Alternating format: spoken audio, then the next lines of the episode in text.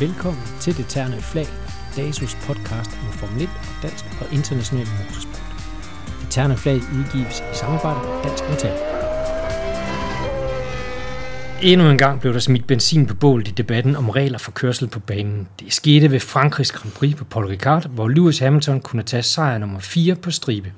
I det terne flag i denne uge taler vi denne gang om reglerne for, hvad kørende må på banen. Vi diskuterer, hvad der skal til for at ændre den sport, vi elsker så højt, hvis der overhovedet skal ske noget.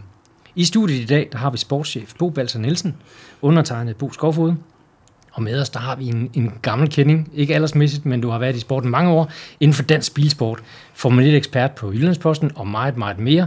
Ekspert, øh, kommentator på Super GT-udsendelserne. Thomas Wulf, velkommen til. Mange tak.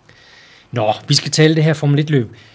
Ikke så meget om selve løbet, fordi øh, mange vil påstå, at der ikke skete noget som helst. Det var det mest søvndysende, vi har set længe. Men Lewis Hamilton, han tog fire sejre på stribe. 6. i alt i år er 8 mulige. Øh, og så det her ekstra point for en, en hurtig omgang øh, tidligere. Han fører nummer 36 point for en Bottas. Øh, har 76, det vil sige øh, tre sejres øh, point høst foran Vettel. Øh, Øh, så det ser, det ser ud som om, det går den vej igen med Hamilton, og det har vi jo rundt rigtig mange gange i den her podcast. Men noget af det, vi snakkede allermest om, det var jo øh, straffene igen, desværre efter Canada og Bo Balser Nielsen. Der var jo det her med øh, episoden med Daniel Ricciardo, øh, hvor vi, i den her uge har vi, eller også efter fælde, har vi hørt flere og flere eksperter, tidligere kører, Jacques Villeneuve blandt andet, øh, som altid er, er meget åbenmundet, ude og, og, og kritisere de her regler for, at de ikke må køre race på banen. Skal vi, øh, skal vi gøre et eller andet ved de her regler? Skal der være færre øh, regler for kørsel på banen, eller hvad, hvad synes du? Ja, nu her med Ricciardos øh, tilfælde her, det var der jo nærmest, fordi han kørte uden for banen. Ikke? øh, men, men, øh, og det er lidt en anden situation, end den vi så i Canada, synes jeg. Fordi ja. der, der var der en farlig situation, og det her, det var bare, at øh, han var lidt for kreativ i, sin, i sit banevalg, kan man sige. Han fik, han fik jo rent faktisk to straffe. Han, han fik, fik først to, en to mod Lando Norris ja. for at, at komme farligt tilbage på banen, ja. og så fik han en bagefter for at køre uden for banen og overhale Kimi. Ja, og lige netop Paul Ricard-banen, altså dem, der, der kender og så udsendelsen der, det er jo en bane, hvor der er kilometervis af afkørsler. Ikke? Altså, det opfordrer jo nærmest til at køre uden for banen. Øh, og man ser det hver år, øh, uanset hvad klasse der er, der bliver kørt på Paul Ricard, at, at der er problemer med det, der hedder track limits. Ikke? Ja. Øhm, så altså, vi, havde jo en del, vi snakkede jo en del om det i den sidste podcast, det der med straffe og så videre. Vi har opfordret også folk til at komme med nogle, nogle input. Altså, men, men altså, igen, altså, hvis ikke der, der var nogen, der, der var dommer og så videre, som man kunne blive lidt sur på og så videre, jamen, så måtte man opfinde dem, ikke? fordi ellers øh, gik de jo helt amok. Ja. Så altså, jeg synes ikke, der er så meget at sige til det der med, med Ricciardos, øh, sådan som reglerne er. Altså, så skal man lave reglerne helt om og gøre det frit. Ikke? Ja. Og Thomas, du så jo øh, løbet også. Hvad, hvad tænker du om situationen og de her straffe, hvis vi også lige skal tage Fettels straf fra Canada med i, i billedet i diskussionen her? Ja, men hvis vi starter med Fettels straf først, så vil jeg nok mene, at jeg er den overbevisning, at når man gennemser materialet, og de rigtig mange kører, der også også på Formel 1-niveau, der efterfølgende har analyseret materialet og de videomaterialer, telemetri der til rådighed, så øh, står det nok nærmest mejslet ind i en sten, at han jo ikke har så meget kontrol over sin bil, at han rent faktisk bevidst kan køre den ud foran Lewis Hamilton. Og det synes jeg så skal komme den kører til gode, og dermed mener jeg, at straffen er forkert. Altså det er det der, man må tage, at når man har en bane, hvor konsekvensen er, at der står en væg, det gør også Lewis Hamilton, han tager jo en chance. Han vælger jo bevidst at prøve at komme forbi fælde, fordi han ved, at det er en mulighed. Velvidende, at han har ikke nogen steder at køre længere ud på banen, fordi der står en væg. Så den ligger jo begge lejre i den situation. Ja. Øh, kigger vi mod øh, løbet her i seneste weekend nede i Frankrig, jamen problemet er måske ikke så meget reglerne. Problemet er, at vi kører motorløb på en bane, som er designet med enorme store afkørselsarealer. Og i virkeligheden, fordi den jo oprindeligt er designet til at være en, et testanlæg, hvor du helst ikke vil have, at din bil bliver smadret, når, når køreren, der er ude at teste, har været for overivrig. Dermed har de den her mulighed, og det gør jo, at vi får de her løb, hvor at der er mindre konsekvens for kørerne. Og så får vi sådan nogle situationer, hvor at straffen i sig selv, jamen, de, de er jo sådan, den er måske i virkeligheden fair nok til, til Ricciardo, det er bare rigtig trist, at det bliver afgjort på den måde. Fordi det vi ser, det er jo faktisk et fedt motorløb lige pludselig. Lige pludselig ser vi fire biler køre enormt tæt, og så ja. bliver vi meget entusiastiske omkring det, og meget begejstrede og tænker, det der, det er det, vi vil se i Formel 1. Og så kan det da godt være, at han bruger halvanden meter mere, men, men der var jo 50 meter at bruge. Så den er virkelig svær. Så jeg, jeg tror ikke, det er reglementet lige den situation, der er noget galt med. Det er banen, der bare ikke passer til hverken reglement eller kørende. Nej. Øh, men det er jo så en helt, det er jo faktisk en, nærmest en, en, en, en, en analysespørgsmål for sig selv. Det er jo så, om regler, reglerne og banerne efterhånden passer sammen. Ja, vi har haft det før og vende her også det her med de her øh, tilkebaner. Nu er Paul Ricard ikke tilke, så vidt jeg husker, men, men de her baner u, fuldstændig uden konsekvens, hvis du træffer siden af. Altså der er asfalt selv i afkørselsarealerne. Skal vi tilbage til det her, de gamle dage, hvor der var grus i, i, i hjørnerne? Altså kom du udenfor, så fik du snavset dæk? Ja, eller der var, eller du var i hvert fald, du deltog ikke længere øh, er jo et eller andet sted måske det, der vil være rart. Det er ikke, fordi vi vil ikke nødvendigvis se smadret kulfiber over det hele, eller mennesker, der kommer til skade, men konsekvensen af det køren, det valg, han tager, og det, der sker foran ham, giver jo en eller anden øh, rækkefølge. Og der synes jeg at det kunne være interessant, hvis der var noget mere på, på spil ja. for dem. Det tror jeg i virkeligheden også vil, det sætter jo både køren til at skulle tænke mere over det, de gør, men jeg, jeg tror også, at det jo så nogle gange gør, at nogen måske tager en eller anden kalkuleret risiko, og det, hvis man ender i, i, i grusiden, så har det den konsekvens der. Ja. Øhm. Jamen altså, det har jo været foreslået en meget simpel løsning, og det er simpelthen at have et, et bånd på to meter, øh, udenom øh, den hvide snor, eller den hvide linje der, der baneafgrænsningen, og sige, jamen her er grus. Så hvis du ryger derud, øh, så, så sænker det dig som, som minimum. Så kan du godt have et stort afkørselsareal bagved. Ikke? Og det er også rigtigt det, du siger der med, at, at Paul Ricard-banen måske ikke er den allermest øh, øh velvalgte racerbane. Altså HTTT hedder den jo, altså High Tech Test Track, er han så, den officielle, øh, fordi det var jo en bane, der, ja, den stammer jo helt tilbage fra 70'erne, hvor man kørte øh, Formel 1 øh, i en overrække dernede, men så lå den jo stille i mange år, og så købte Bernie Ecclestone den og lavede den om til en high-tech test track. Og det var den så i mange år, inden han så øh, solgte den igen, eller hvad der skete. Det var vist noget med en skilsmisse. Men altså, nej, det er ikke en, det er ikke en fantastisk bane. Altså, der, den ligner selvfølgelig ikke rigtig nogen andre øh, med de der striber udenom. Så det, det tæller måske lidt til dens fordel. Ikke? Den er også udfordrende på nogle områder. Ikke? Og det er et fascinerende anlæg, og ja. det er super flot. Og alle, alle, alt det, vi visuelt ser på, er jo elegant og lækkert lavet. Ja det er bare svært at se en, et racerløb ja. sådan, sådan ind over, fordi farver og striberne bliver nærmest Ja, men altså, man bliver fuldstændig øh, kullet til sidst i ja, hovedet af at ja. kigge på de der farver. Ikke? Det gør man. Ja. Og jeg, jeg, men, men det sagt, så kører de jo også andre serier dernede. Blancpain besøger de den. De kører næsten hver eneste weekend, ja. ikke? Altså. Og de har jo nogle rigtig fede racerløb dernede. Ja. Men der har dommerne også rigtig travlt med, når man har overskrevet track limits, fordi ja. det sker jo ikke, det er jo ikke bare et eller to sving, de skal sidde og kigge i, hvor det kan komme til at ske. Mm. Det er alle sving. Ja. Det er jo i hvert sving, der er på Paul Ricard, kan du principielt overskride. Ja. Det vil sige, at du kan hele tiden lægge på et højere niveau, også grænsemæssigt, tror jeg, som chauffør, hvor du kan lægge og trykke meget tættere på, hvad du ved er lige på grænsen af, hvad bilen kan. Fordi du ved, du har lige en meter mere at redde den på, hvis det nu går galt. Øh, der er selvfølgelig en risiko, at det koster et halvt eller et helt eller et andet sekund, men det koster ikke løbet. Du sidder ikke i en mur lige pludselig, hvis det gør du ikke. Så, så på den måde, så, så kan alle også øh, blive ved med at, at presse lidt mere på. Ja. Nej, men altså, jeg, jeg, hvis man så de der Formel 3-løb og Formel 2-løb, der var øh, sidste weekend, også på banen, de var fantastiske racerløb. Altså, det kan godt lade sig gøre. Ja. Øh, og det, det kan lidt øh, lægge op til en, en snak, vi, vi også lige skal ind på her, som vi har snakket om inden. Øh, det der med, hvad, hvad gør vi med Formel 1? Ja. altså, fordi det er jo... Altså, nu vil jeg ikke... Altså, der var folk, der sagde, at det var det kedeligste Formel 1-løb, nogen har set. Det vil jeg ikke helt give mig ret i, fordi der stadigvæk sker en del nede i midterfeltet. Øh, for eksempel, altså, så, så kører Ricciardo forbi begge... Nej, det var ikke ham, det var Vettel, der kørte forbi begge McLaren. Ikke? Altså, det er jo overhalinger, ikke? og det sker ja. også længere nede i feltet. Ikke? Det er bare fordi, der ikke sker noget op foran, fordi vi har en enkelt mand, der er så dominerende, som han er. Ikke? Altså simpelthen i sin egen verden. Ikke? Ja, der er, ingen, der er ingen tvivl om, at når vi har blikket i, i spidsen, så lige nu, så er der Lewis Hamilton og Mercedes, og så alle de andre. Lige præcis. Øh, det, han er fuldstændig isoleret. Han har også isoleret Bottas som, som teamkammerat nu, på nuværende tidspunkt i sæsonen. Ja. I starten, der så de ud til at kunne køre et rigtig fedt parløb, mm. og så om ikke andet havde vi sådan en gammel, lidt af Rosberg-Hamilton-situation for ja. nogle år siden, hvor vi tænkte, de kan presse hinanden. Nu, har han, nu er han tilbage i det her i det her niveau, hvor han er fuldstændig urørlig. Fuldstændig. Altså, hvor alt bare er fuldstændig send for Lewis Hamilton, og der er han, der er han, der er han umulig at slå. Altså selv han kan jo ikke engang lave en fejl, så han kører ud over banen. Nej og det behøver han jo heller ikke. Altså, altså det, er, det er som om, at den øh, årgang biler, vi har i øjeblikket, den er, er nærmest skræddersyet til hans kørestil. Ikke? Altså, vi så det i begyndelsen af nullerne, hvor det hele øh, Ferrari har lavet en bil, der passede perfekt til Michael Schumacher, der var der ingen, der kunne røre ham. I begyndelsen af 10'erne var det situationen med, med Red Bull og, og Vettel, ikke? og nu har vi den altså med, med Hamilton. Han slår sin holdkammerat med 18 sekunder, tror jeg, der, på en bane, hvor der normalt er, er 10 del af sekunder, der gør, der gør det. Ikke? Det, det, det, er, det er meget imponerende, og det må man heller ikke tage noget fra, Nej. fordi det er jo egentlig bare netop, som du også indledte med, mm. at det her med, at vi gerne vil have mere motorløb. Vi vil gerne have mere spænding, fordi vi godt kan lide at se på det, og vi vil gerne have, at dominansen bliver brudt bare en lille smule. Jeg tror ikke, der er nogen, der forklarer, at Lewis Hamilton er en fantastisk racerkører det er bare blevet enormt uh, one-sided, at vi hele tiden sidder og kigger på ham. Ja. Um, og uh, der, der, der savner vi måske at se nogle af de her dueller nede bagved. Det er jo så tv-produktionen, der måske skal ja. levere lidt af det.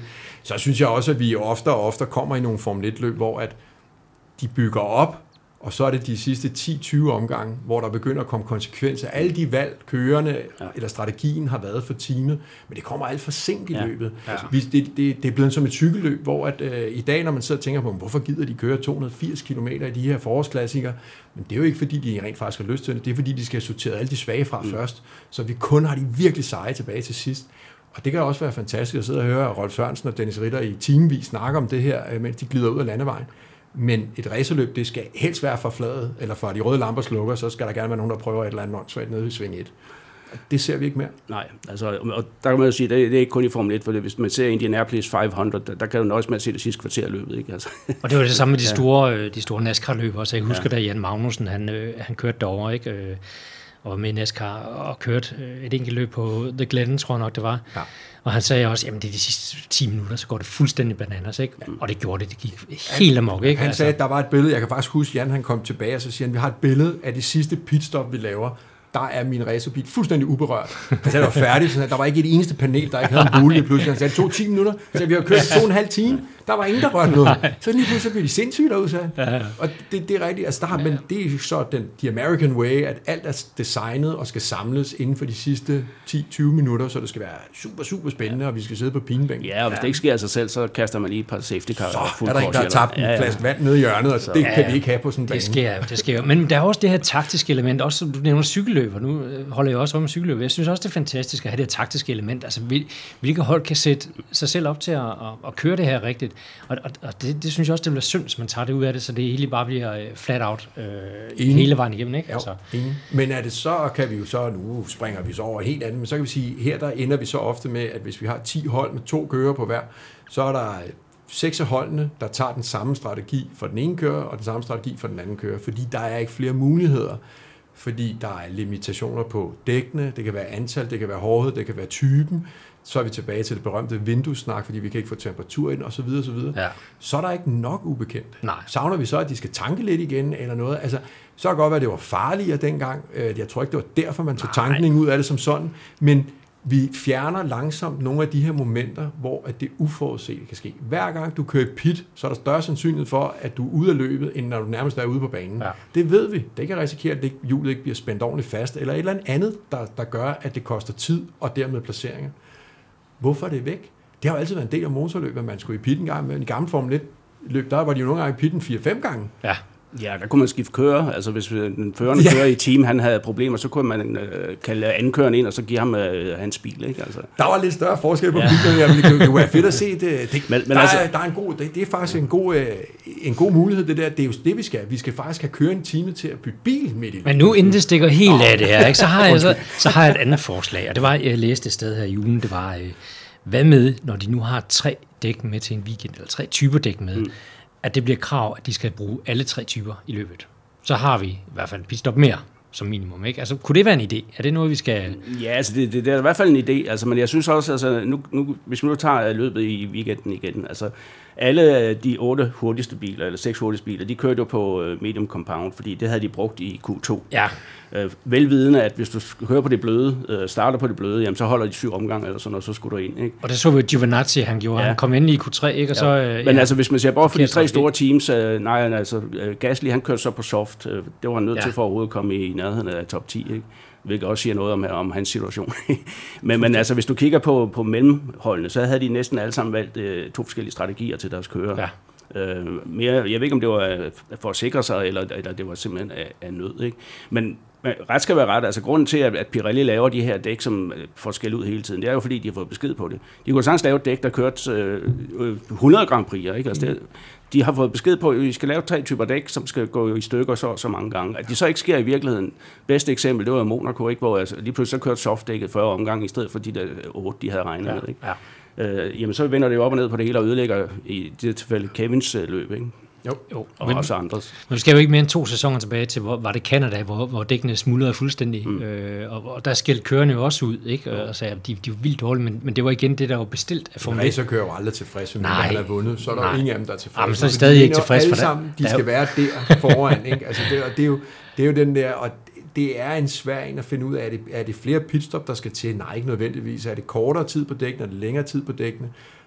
Skal vi lave øh, en regel, at uanset hvad du har kørt Q2 på, så starter du på soft i Q3, hvis du er der, fordi men det burde heller ikke være sådan, at vi skulle til at stikke de hurtigste for at få Nej. mere, for at få mere kamp ind i det.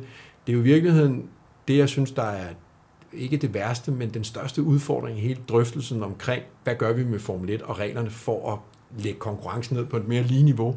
Det er i virkeligheden, at vi, vi prøver hele tiden at opfinde, hvordan vi stikker de hurtigste, Ja. men så straffer vi dem, fordi de er dygtige til deres forarbejde. Ja. Så kan det godt være, at det er fordi, der er nogen, der siger, at det Mercedes, de har flere milliarder til det, end det lille hold har. Ja, sådan har det altid været i Formel 1. Det er bare blevet virkelig tydeligt nu, hvor vi har bevæget os op i et niveau og en teknologi, som bare gør en forskel, hvis du har 1000 mand mere ansat.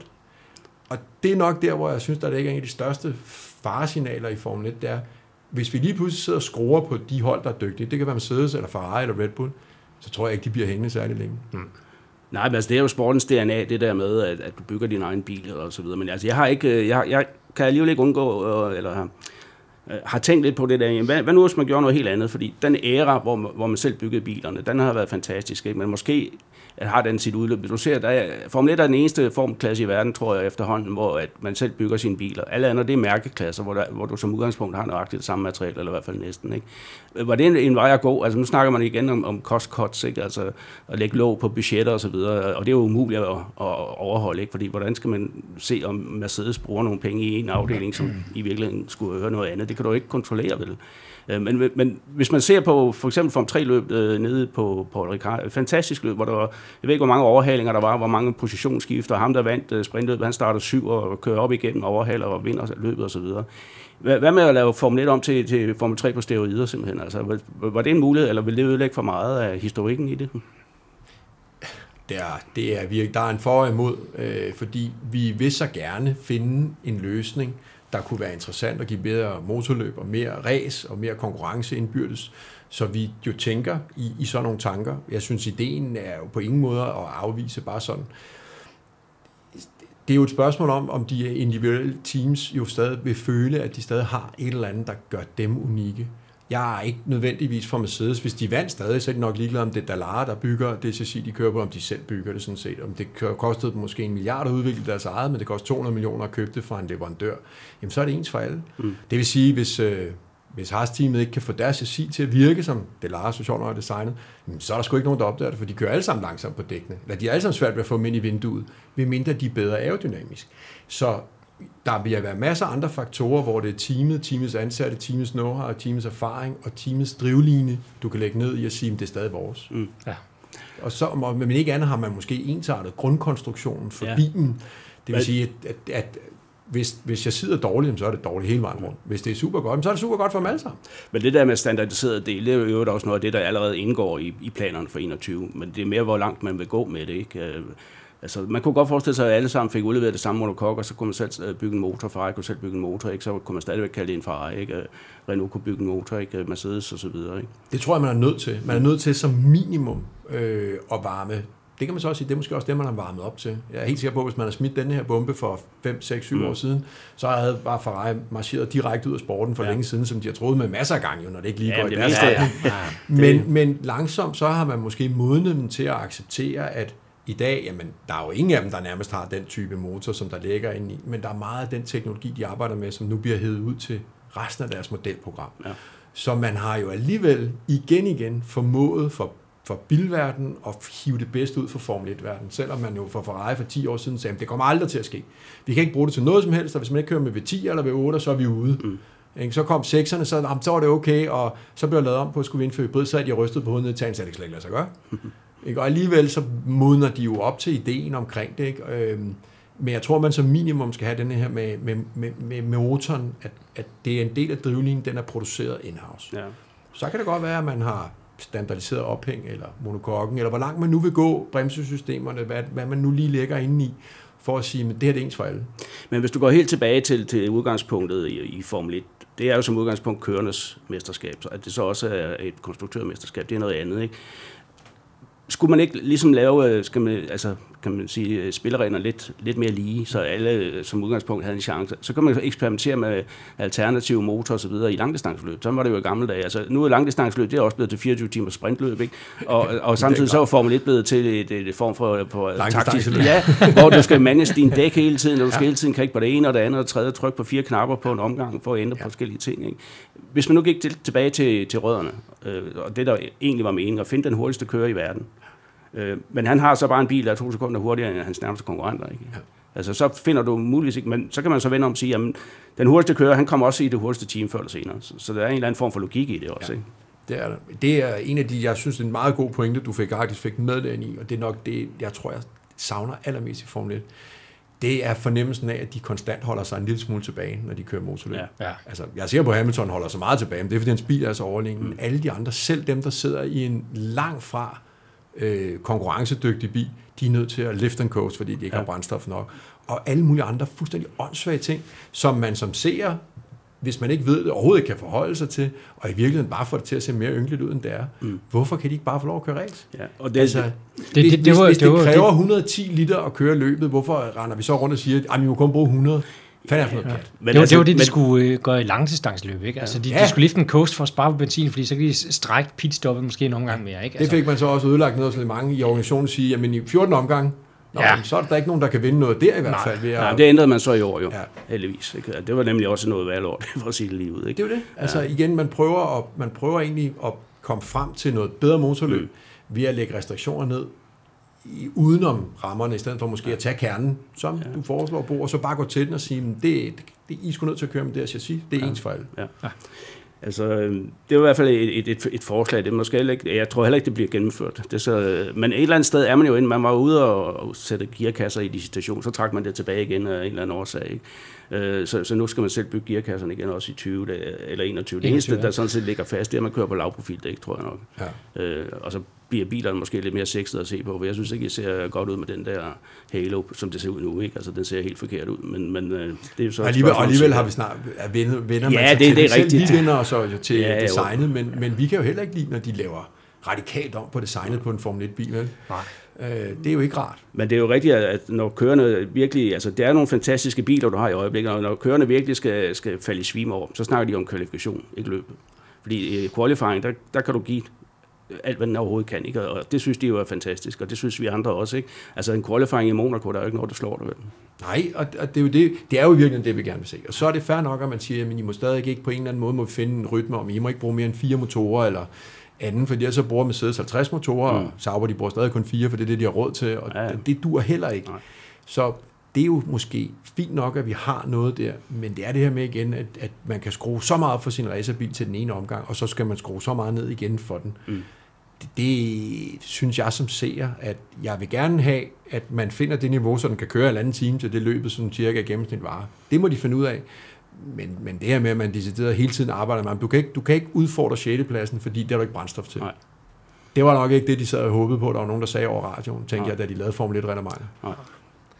Det er, det er skidt, men jeg, jeg tror, vi er enige her om, at, øh, øh at de skal finde en eller anden formel for det, og hvordan de gør det. Altså, det, det, det, det må tiden vise, ikke? Altså, jo, men altså indtil videre er det jo kun en masse rygter om, hvordan... Yeah. Og man kan jo ikke blive enige, og, der er også nogen, der mener, at der er simpelthen for meget demokrati i, i det her regelmageri, fordi alle teams... Altså Ferrari kan jo for eksempel nedlægge, øh, nedlægge veto. Altså, sådan, ja, det er utroligt, at de engang fik indført den jamen, regel, øh, helt utroligt, det. Med. ja. altså, de kan jo reelt bestemme reglementet i sidste ende, ikke? Altså, Mercedes er jo også deroppe i nærheden af, ikke? Og, og der er også en, en helt skæv fordeling af præmiepengene. Altså, nogle de får præmiepenge bare fordi de, de er med, ikke? Altså, McLaren, alle de, de sidste tre år, hvor de har været ingenting, har de stadigvæk hentet mange flere penge, end, end teams, der slutter op over dem, ikke? Altså på grund af en gammel aftale med Ecclestone. Ikke?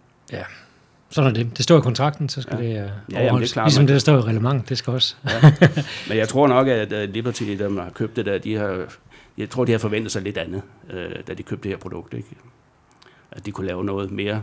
Øh, jeg tror, man, ja. jeg, jeg er enig, at man nok ikke kunne få det øh, amerikanificeret så hurtigt, som man ønskede som man gerne. Og så man, tror jeg også, man opdagede, at det kunne man nok slet ikke. Og det vil jeg også tro vil være rigtig synd for Formel 1, hvis man prøvede at dreje det i underholdningsafdeling, ja. som man gerne vil have derovre. Øhm, der savnes noget, der savnes noget, vi, vi snakker meget om, der savnes noget sportsligt mm. i Formel 1. Der er i hvert fald for langt mellem de gode oplevelser løbsmæssigt. Ja. Det, det er nok der, fordi vi kan jo ikke, vi er ikke så heldige, at vi har 21 fede løb om året. Så heldig er man ikke, uanset hvor lang løbskalenderen er. Men der er for langt mellem dem nu, hvor vi har nogle gode oplevelser, hvor man virkelig tænker, der kørte de motorløb. Altså, ja. der kørte de jo racerløb. Det var jo virkelig det Fettel og Hamilton gjorde i Canada. De kørte jo rent faktisk racerløb ja. med hinanden. Den ene, han kørte så hurtigt, som man overhovedet kunne ude foran, fordi han vidste godt, der kom en hurtig Mercedes bagved. Og jeg er helt sikker på, at ham Mercedes, han gjorde alt, man kunne for at fange ham. Ja. Øh, og han havde om noget råd til at tabe den. Altså, han kunne have godt have risikeret sin anden plads, fordi han er så mange point foran. Men jeg er enig, altså der er jo også 0-0-kamp i fodbold, ikke? Altså, det er jo ikke sådan, at der er festfyrkeri af mål hver eneste gang, og det skal der heller ikke være. Altså, det, du skal finde den der øh, røde linje der, mellem, øh, hvor der er spænding, men at det ikke bliver alt for kunstigt også, ikke? Yes. Så meget om, om reglerne og, øh, og, og hvad der sker. Altså, en, en, øh, en, øh, en shake-up i 2021-reglement kunne du godt tænke dig på Balsa også. Og jeg, jeg bliver også sådan lidt nostalgisk en gang imellem, så tænker jeg tilbage på de gamle IndyCar-dage, hvor de havde to chassiser og tre motorer, tror jeg nok. Altså mm. tilbage i, i 90'erne, slut 90'erne og starten af 0'erne, da Montoya kørte derover for eksempel, og, og Mansell kørte derover i, i midt-90'erne. Fantastisk race. Øhm, så måske, måske er det vejen. Altså, det... Jamen altså, ja, det, det, er det muligvis, fordi jeg kan da også huske, dengang man havde reservevogn og så videre, og du brugte, øh, ja, BMW, øh, BMW brugte en motor i, i, i qualifying, der kunne holde tre omgange, i, øh, og så eksploderede den, ikke? og så satte du en anden ind i. Øh, altså, fordi noget af det, som også gør det lidt for forudsigeligt nu, det er jo, at bilerne bryder jo ikke sammen. Altså, det, de holder jo simpelthen, det er jo fantastisk ingeniørværk, når man ser sådan på det. Men det er jo meget, meget sjældent, at altså, en af topbilerne går ud, så, så at, at måske en Force India kan komme på podiet, eller en, en Haas for den sags skyld. Ikke? Det sker bare ikke, vel? Nej, jeg sad faktisk øh, under det en øh, virkelig spændende Formel 1-løb øh, for Paul Ricard, og overvejede at vide, hvor lang tid siden det var, en Mercedes at forladt et løb. Og det eneste, jeg sådan havde printet ind i hovedet, det var, da, da Rosberg og Hamilton kørte sammen. Ja. Men, men der har nok været noget imellem, men vi har fuldstændig glemt det. Ja. Altså, den er, jo, den er jo mere driftsikker end en taxa. Jo. Altså, det, er jo, det, det er helt skørt, at de har kunne bygge. At det er fantastisk ingeniørarbejde, og det er vildt, vildt imponerende. Mm. Men det er, det er nærmest skræmmende, så overlegen Mercedes er ja. i, i, i det her, og hvor meget de andre arbejder for at bare, bare matche dem, bare være i nærheden af at matche ja. dem. Altså, øh, øh, det er det samme. Jeg, USA og Formel 1 er to forskellige ting, og IndyCars, med, hvor det er teams eller Gene Haas, der indsætter, der er ikke noget fabrikstøtte på, der er ikke noget, så kan man have to-tre chassiser og to-tre motorer og sidde og købe rundt i, fordi man gerne vil være med. Det dur ikke i Formel 1. Man er nødt til at have noget, som man kan sætte sin eget markat på ude foran, et BMW-logo eller et Mercedes-logo ja, eller noget, fordi... Den har startet med drivlinjen, ikke? Ja, altså, den, fordi den det er den måde, vi Absolut. genkender Formel 1 og er vokset op med Formel 1. Det er den ja. måde, Formel 1 overhovedet er fostret op, det er jo, og klart, det var lidt mere romantiseret der efter 50-60'erne, da man, da man startede med Formel 1 Junior, og så gled over i Formel 1 øh, igen. Men det, det, det, det var vigtigt for konstruktøren bag bilen at, øh, at se det. Samme måde som Porsche har haft så lang gloværdig ja, entré ind i Le Mans og langdistance. Og der var jo også den her nationale følelse, ikke? Altså det var de røde italienere mod, øh, mod øh, de, de sølvgrå tyskere og, og franskmænd og englænder videre, ikke? Så, øh. Hvis vi skal tiltrække dem, for, og det skal man for, at Formel 1-sporten kan blive ved med at overleve, fordi i virkeligheden er der jo en overvægt af ikke bilrelaterede brands inde i, inde i Formel 1. Det skulle helst ligge på et minimum en, en 50-50 fordeling jo. Så er der nødt til at være noget, de kan sætte deres markat på. Ja. Og samtidig nødt til at være billigere. Hvad, hvad synes du om ideen om, at, at man kan købe sidste års Mercedes for eksempel, og så starte sit eget team? Hmm. Altså, det har jo også været foreslået. Ikke? Altså ja. lige nu har du 10 teams, og jeg synes, det er to for lidt minimum. Altså, ja. det er for svært at komme ind. Så jeg savner de der små, selvom de var, de var til grin, de, de små teams der. Men det var, ja, dem, det var, der havde en fantast bag roer, som lige havde ja, lavet en halv milliard på børsen, tænkte, nu Formel 1, det er en god vej at gå. Det gør vi Men det var, det var en, en vej ind i Formel 1 for mange kører. Ja. Ikke? Altså, jeg kan huske dengang Nicolas Kise i sin tid debuterede, der læste jeg, at 40 procent af de kører, der var i Formel 1 på det tidspunkt, havde startet i Minardi. Ja. Som var absolut det var kæmpe, jamen det, ja. Men alle vidste, at hvis man bare havde... Det kunne da godt være, at der var 8-10 biler, der lige skulle blive ryddet i et bunkeuheld mm. nede på, i første chikane på Monza eller noget. Men hvis du fik listet din Menardi frem der, så mm. kunne du være heldig at få en kontrakt et eller andet sted. Det, det vidste alle jo. Ja. Det, og det er, er også en ting, jeg er helt enig i, jeg synes, vi savner i dag. Mm. Dem, der er der, sidder der alt for længe. Alt for længe. Alt for længe. Alt, altså gennemsnitsalderen alt for. Vi mangler nogen, der tør tage en chance. Jeg mm. forstår godt på det tekniske og erfaringsmæssige, at man ikke bare skifter rundt. Men vi savner noget, og man kan sige, man har den jo i, i, øh, i sportsvognsracing, mm. altså i, i WC-serien, hvor at man har mulighed i det omfang, man kan få lov til at købe bilen fra sidste år, det kan godt være, at den ikke skal køre en anden kategori, men, men jeg, jeg er helt sikker på, at både Ferrari og Mercedes, de vil ned og lægge veto, hvis der kom en og sagde, nu skal I se, de, hvert hold har lov til at købe jeres racerbil for sidste år, det er at kigge ind i alle hemmelighederne. Så tror jeg, der stod øh, otte hold og sagde, vi vil godt købe en. ja. ja, det, er, det er sådan en bagsiden af den medalje, ikke? Altså, hvis det bliver muligt. Godt, jeg synes, vi har været godt rundt om det her. Hvis vi lige skal runde vores øh, vanlige hot eller not øh, liste. Vi har ikke taget så meget om selve løbet, men det kan vi lige øh, gøre nu så i hvert fald. Hvad vil du fremhæve, Balser? Jamen, jeg, øh, vi har slet ikke snakket øh, om, om Haas. Øh, altså, vi er nødt til at sige, er det, det er hot? Det er not. Nå, okay. øh, det ser ud som om, de er ved at grave sig ned dybere og dybere i et hul, fordi øh, altså, det der med, at de ikke får dækkende i temperatur osv., det er også rigtigt nok, men, men det burde de jo netop øh, kunne have fået dernede. Og hvis ikke de kan det her i det kommende løb på Østrig, i Red Bull Ring, øh, for varme i dækkene, for det første bliver, bliver der varmt, og for det andet så har du de der lange, hurtige sving, ikke, som kan generere dæktemperatur. Hvis ikke de kan få den til at virke der, så har de et mere fundamentalt problem. Øh, og det tror jeg også, de er ved at blive klar over. Ikke? Ja, jeg, jeg er meget enig. Øh, det har været, de har helt sikkert skruet rundt i alle retninger for at finde ud af, om man kunne arbejde sig ind i, i vinduet, men det i syvende og sidste er man nok nødt nå til, til nu, at chassiset bare simpelthen ikke dur. Øh, de, de, de burde have ramt et eller andet. Selv den hemmelige skrue på raceren, som lige en eller anden kommer gående forbi og siger, Horsa, den har vi aldrig skruet på, lad os lige prøve den. Mm. De har været det hele igennem. Det må de have gjort. Ja, de altså, må have været ja. alt igennem, de må have, og jeg, jeg, jeg tror også, at det, det er rigtig godt set, at det, der man er nok nået til et sted, hvor man erkende, at den der, den er lige til at smide skraldespanden. Mm. Og, og det, det bliver en lang, lang sæson. Så bliver det godt nok langt efterår, ja, de får. Ikke? Hvis ikke de kommer tilbage. Jeg, jeg læste en optakt op til det franske Grand Prix, der, der ligesom forklarer, at hvis, øh, historisk set, hvis du har gjort det godt i Barcelona, så ville Paul Ricard også passe rigtig godt til dig. Bilen, og det samme med Red Bull Ring og Silverstone i en vis grad, der kommer ja. bagefter. Og det gik jo super godt. Barcelona for de to harskører. Lidt ballade til sidst, men, men det var en anden snak. Men det gik godt rent fartmæssigt, og de, havde, de kunne tænde de dæk der for en gang skyld, ikke? Og så kommer de til uh, Paul Ricard, og så ja. er bare det samme lort, for at sige livet. Ikke? Det eneste, der kan forklare det, det er, hvis man har skruet sig i den anden ja, retning. Jeg tror, det, man har skruet sig, for, fordi man er desperat, ja. og så ja. arbejder videre, og det, vi får det lige nu, når vi sidder her, så lyder det som verdens nemmeste opgave, ja, ingeniør det, eller mekaniker på sådan en bil der. Det er det naturligvis ikke, og slet ikke nu her, når man har tabt så mange kampe i træk.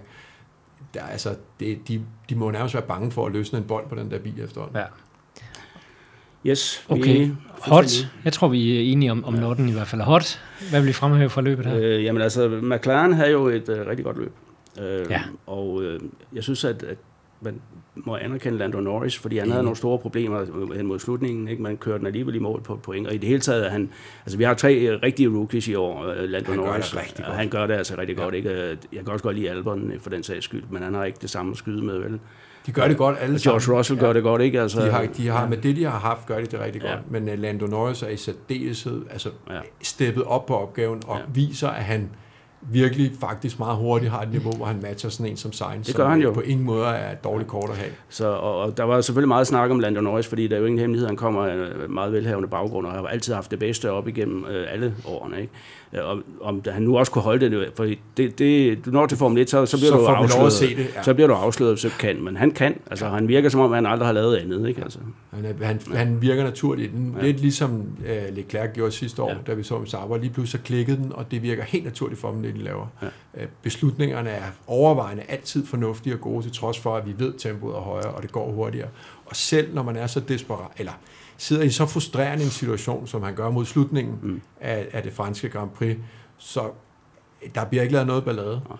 Der bliver ikke nogen frustreret, øh, jeg forsøger at beskytte mig, selvom jeg godt ved, at jeg har en bil, der er krøbling, og jeg ikke kan. Han mm. accepterer, at den skal i mål først og fremmest. Det synes jeg var ekstremt modent, og er i virkeligheden måske den allerflotteste præstation, han lavede i den weekend, det er at være så, være så voksen omkring det. Ja, han taber ikke shooten på nogen måde. Nej, enig. Så I siger Lando Norris. Ja. Jeg, vil, jeg vil bryde øh, tendensen her, så vil jeg sige Ricciardo. Jeg elsker, at han prøver, at ja, han ja, gør noget. Altså, han, han slettede det første tweet efter løbet, efter han har fået straffen. Det slettede han det nok meget godt.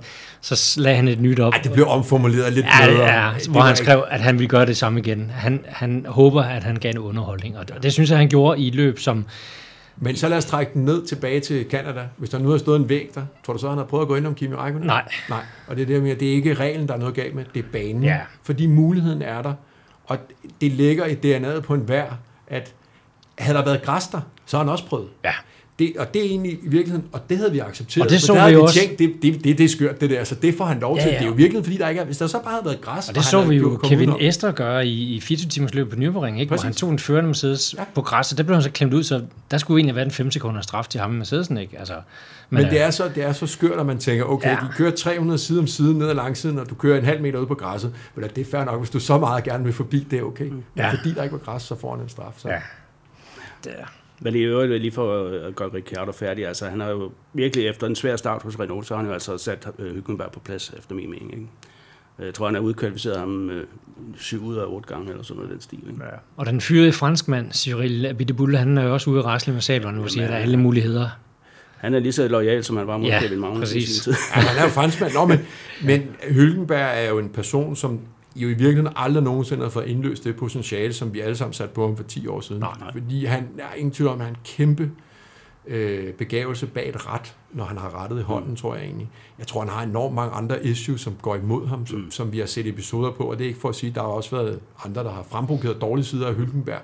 Øh, men han bliver i den grad udstillet nu, fordi han nu har han matchet en holdkammerat, ja. øh, der banker ham. Ja. Og den, det gør det kun værre for ham. Ja, og han har også alderen imod sig efterhånden. Ikke? Han er en af dem, hvor at man kunne sige hårdt og helt kynisk, uden noget forhold, sige, det er fint dårligt over her, ud. Ja. Du er færdig. Tilbage til Le Mans med dig, Ja, for eksempel. for eksempel. Godt. Det var Formel 1 for denne gang.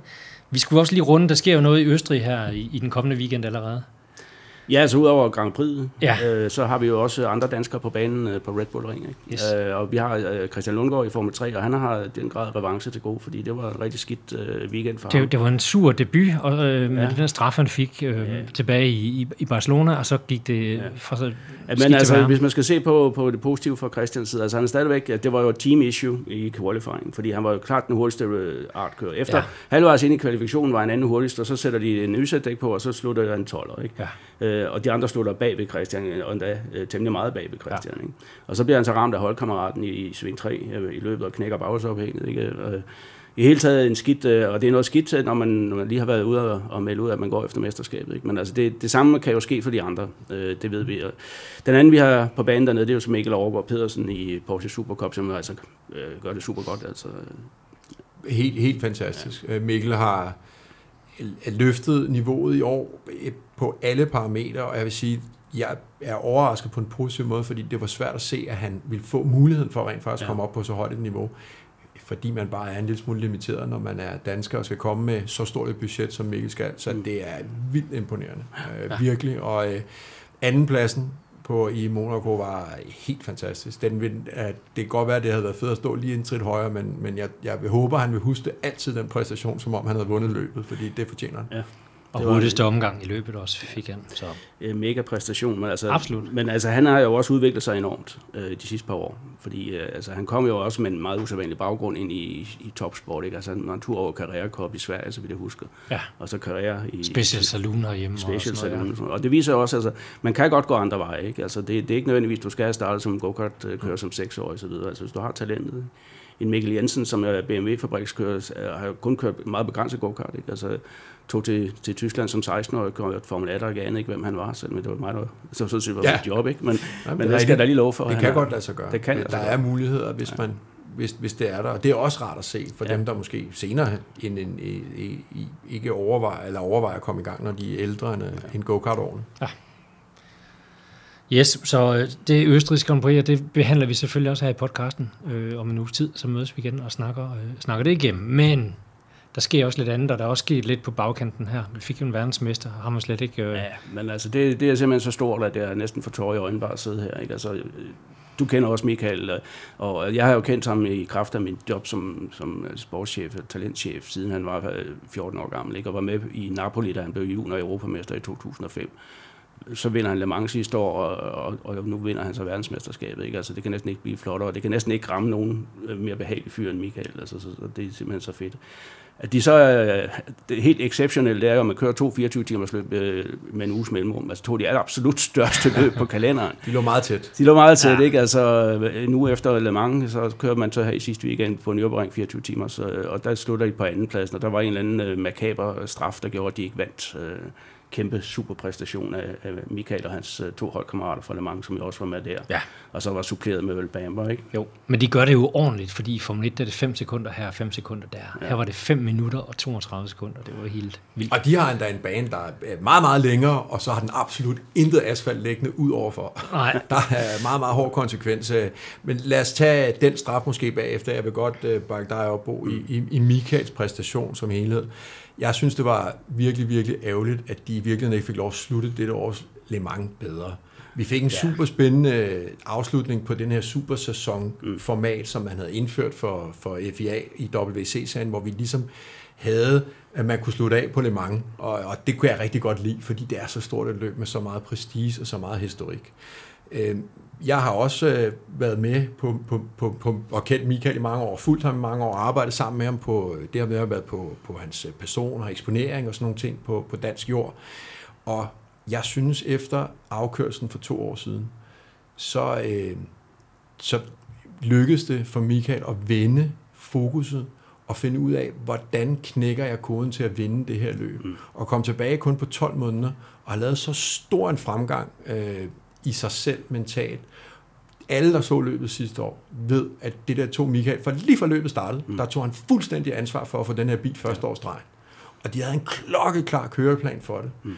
Og vi skal ikke kigge så langt andet, måske lige over til Nordjylland, for at finde inspirationen, tror jeg, til hvor den her køreplan kommer fra. Tom Christensen, det var hans vennestykker, det var at lave de her køreplaner for, hvordan vinder man på Le Mans? Det gør man ved at være forberedt på alt. Ja. Alle tænkelige scenarier har vi siddet og tænkt igennem for alle 24 timer. Hvordan starter vi? Hvad gør vi, hvis de gør sådan? Hvad gør vi, hvis der sker sådan? Det synes jeg var det, jeg, jeg så, at Michael kom med derned.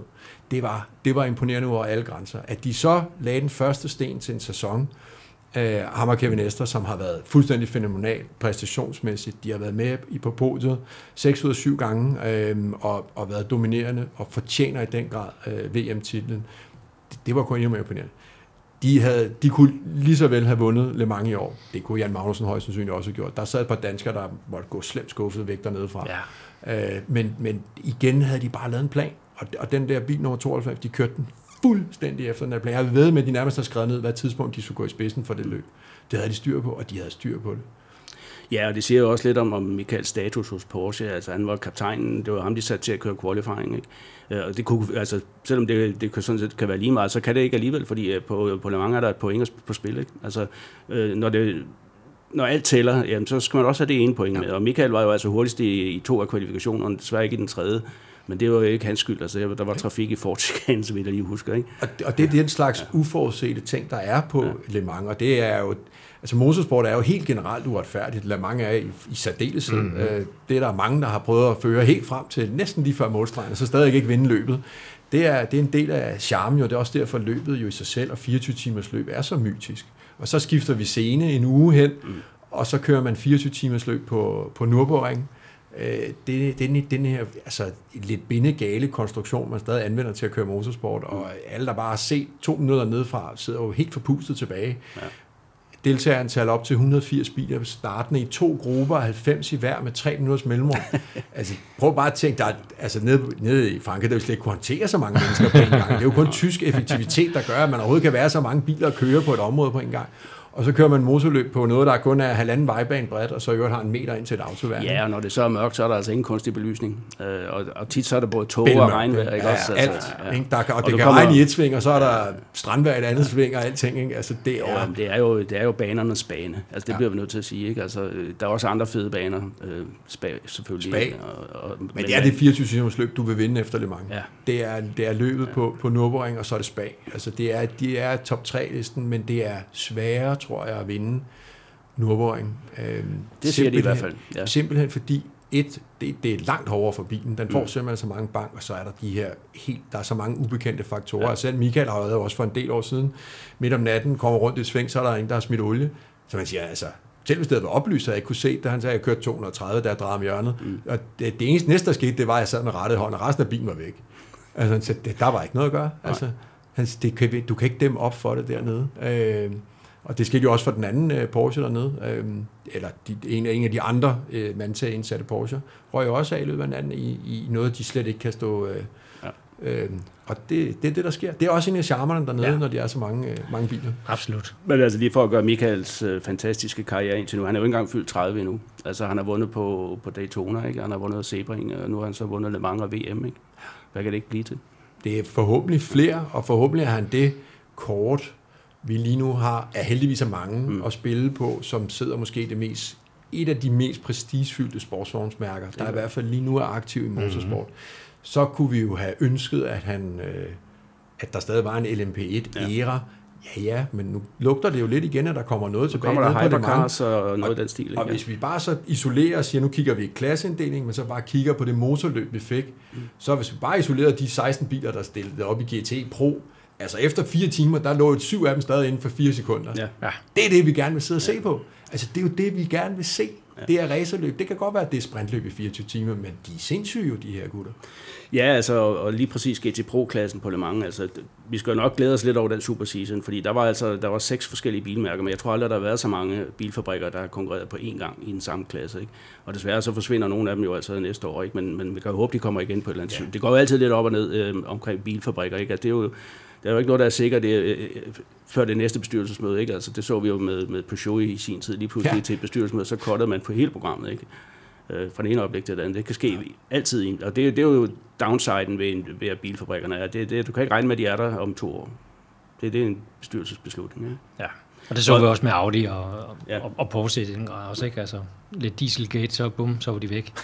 lidt. Det var en ganske lille ubetydelig sag, de havde der. Den havde man næsten ryddet op i nu. Det havde ingen, der skal ingen konsekvenser overhovedet. Nej. Nej, det mest uhyggelige er, at de kan, de kan bare gribe i, ned i, i bankbogen og så betale ind ja. det, det koster. Altså, det er de stand til, ikke? Altså. Der er mange, der er mange, der er mange forhold, ikke? Der er mange, og i dag, når vi har, at bilfabrikkerne er ikke isoleret længere hver ejerskab hver for sig. Nej. Nu ligger de jo over et kæmpe store hatte. Det gør jo også, hvem, kører, hvem må køre motorløb mm. med hvem, og hvem udstikker hvilke ordre og så videre. Ikke? For Porsche, jamen Porsche, de vil nu i Formula E. Mm så jeg er sikker på, at vi kan fylde to timers lang snak omkring, hvad vi mener om Formula E som serie. Men det er en af dem, der nu er derude, som ja. man pusher enormt meget af grønt image og så videre. Der ligger sikkert også masser af brugbar teknologi, som man kan trække baglæns mm. ind i bilindustrien. Og det er et af de steder, jeg tror, at for eksempel sådan nogen som Porsche helt ordentligt sidder og siger, at vi skal være med der. Fordi alt det her, vi sidder og udvikler her, udover det image, det så også lige giver os, når vi nu gerne vil køre ned på Le Mans i dem der, der bruger en masse benzin, så øh, får vi noget teknologi, vi kan bruge i vores skadebiler. Det er trods alt det, der det, ligegyldigt hvordan vi vender og drejer det, så øh, som Enzo Ferrari sagde, altså, det der med personbiler, det var altså ikke så meget for ham, men det var han nødt til at producere nogle af, for ellers kunne han ikke holde liv i sine racerbiler. Sådan er det. Ja. Godt. Et lille kig tilbage og, og, og lidt fremad også. Er der andet, vi skal holde øje med? Ja, altså der er jo et, et 6 timers løb, øh, et langdistanceløb igen øh, i den kommende weekend. Øh, det er så i USA på Watkins Glen, yes. øh, hvor vi har Jan Magnussen, og han må forsøge at komme over den skuffelse, øh, som det må have været på, på Le Mans med, med det, der skete der. Ikke? Christina er med også der øh, i det der, og det er jo et af de, de øh, der er fire store langdistanceløb i USA, som tæller til en speciel langdistancekop, og der er det her det ene af dem. Det andet det er Daytona og Sebring, og så Petit Le Mans øh, i efteråret. Ikke? Så det er også meget prestigefyldt. Øhm, og så har vi jo altså, øh, der er som, som sædvanligt en hel masse ting øh, i gang, ikke? men vi har primært øh, det østrigske Grand Prix. Ikke? Yes. Så det er værd at holde øje med. Hvis I vil have de her nyheder omkring, hvad der sker, og hvad der er sker, det ikke desto mindre, så øh, sus ind på dato.dk, abonner på vores nyhedsbrev. Det hedder Elite Nyhedsbrev, og det er omkring de her, især omkring de her indplacerede talenter, vi har i øh, Team Danmark samarbejdet. Så øh, ind og abonner på det. Det var det for det terneflag denne gang. Ja, men der de er, er et lille motorløb i København ja, den 3. 4. august. Nå, skal vi tale om det også? Ja, det der synes jeg da, fordi okay. nu har vi jo med Man Himself her. nu har vi jo lidt, øh, lidt, lidt længere tid til det, men, men øh, absolut, der skal jeg også ind og, og underholdes. Ja, og vi øh, snakker selvfølgelig om CHGP, ja. Copenhagen Historic Grand Prix på Bellahøj Park, ikke? hvor du jo også er involveret øh, på, på det pressemæssige. Så hvad, hvad kan vi forvente os øh, i år? Hvad kan vi glæde os ja, til? men altså, Copenhagen Historic Grand Prix fortsætter jo i, i den ånd, man efterhånden har været, fået skabt ud på, på Bellerhøj, efter man flyttede for, for en del år siden jo nu øh, fra Nørre Allé og, og flyttede Renew, så synes jeg, at man har ramt en rigtig god opskrift. Især sidste år tror jeg, det kulminerede med, at man var heldig, vi havde godt vejr, men rekordmange deltagere, rekordmange tilskuere og rigtig mange udstillere, som er med til at samle et godt fundament for det gode motorløb. I sidste ende, så er det de mange aktive udøvere, som er på banerne, der, øh, der, der jo leverer det, der gør, at vi kommer igen. Også det publikum kommer igen. De kører noget godt motorløb derude. Øhm, banen er, jeg har selv haft mulighed for at køre den ved, ved forskellige lejligheder, og den er faktisk ret velegnet til at køre et, et byløb på med de konsekvenser, der jo nu er med barriere og så videre. Fordi her der er ikke nogen, der bruger noget af noget track limit ved siden af. Det er meget nemt, fordi så mangler man halvdelen af en forskærm eller, eller, eller værre. Men jeg synes, at de i den grad har leveret. Så de her historiske klasser er naturligvis omdrejningspunktet øh, i de forskellige inddelinger, man nu har inviteret, hvor især 65-klassen jo er meget, meget populær og har øh, lukket nu, fordi kapaciteten er 44 biler, og der er biler på venteliste. Men også... Øh, 71-klassen og populær 86-klassen.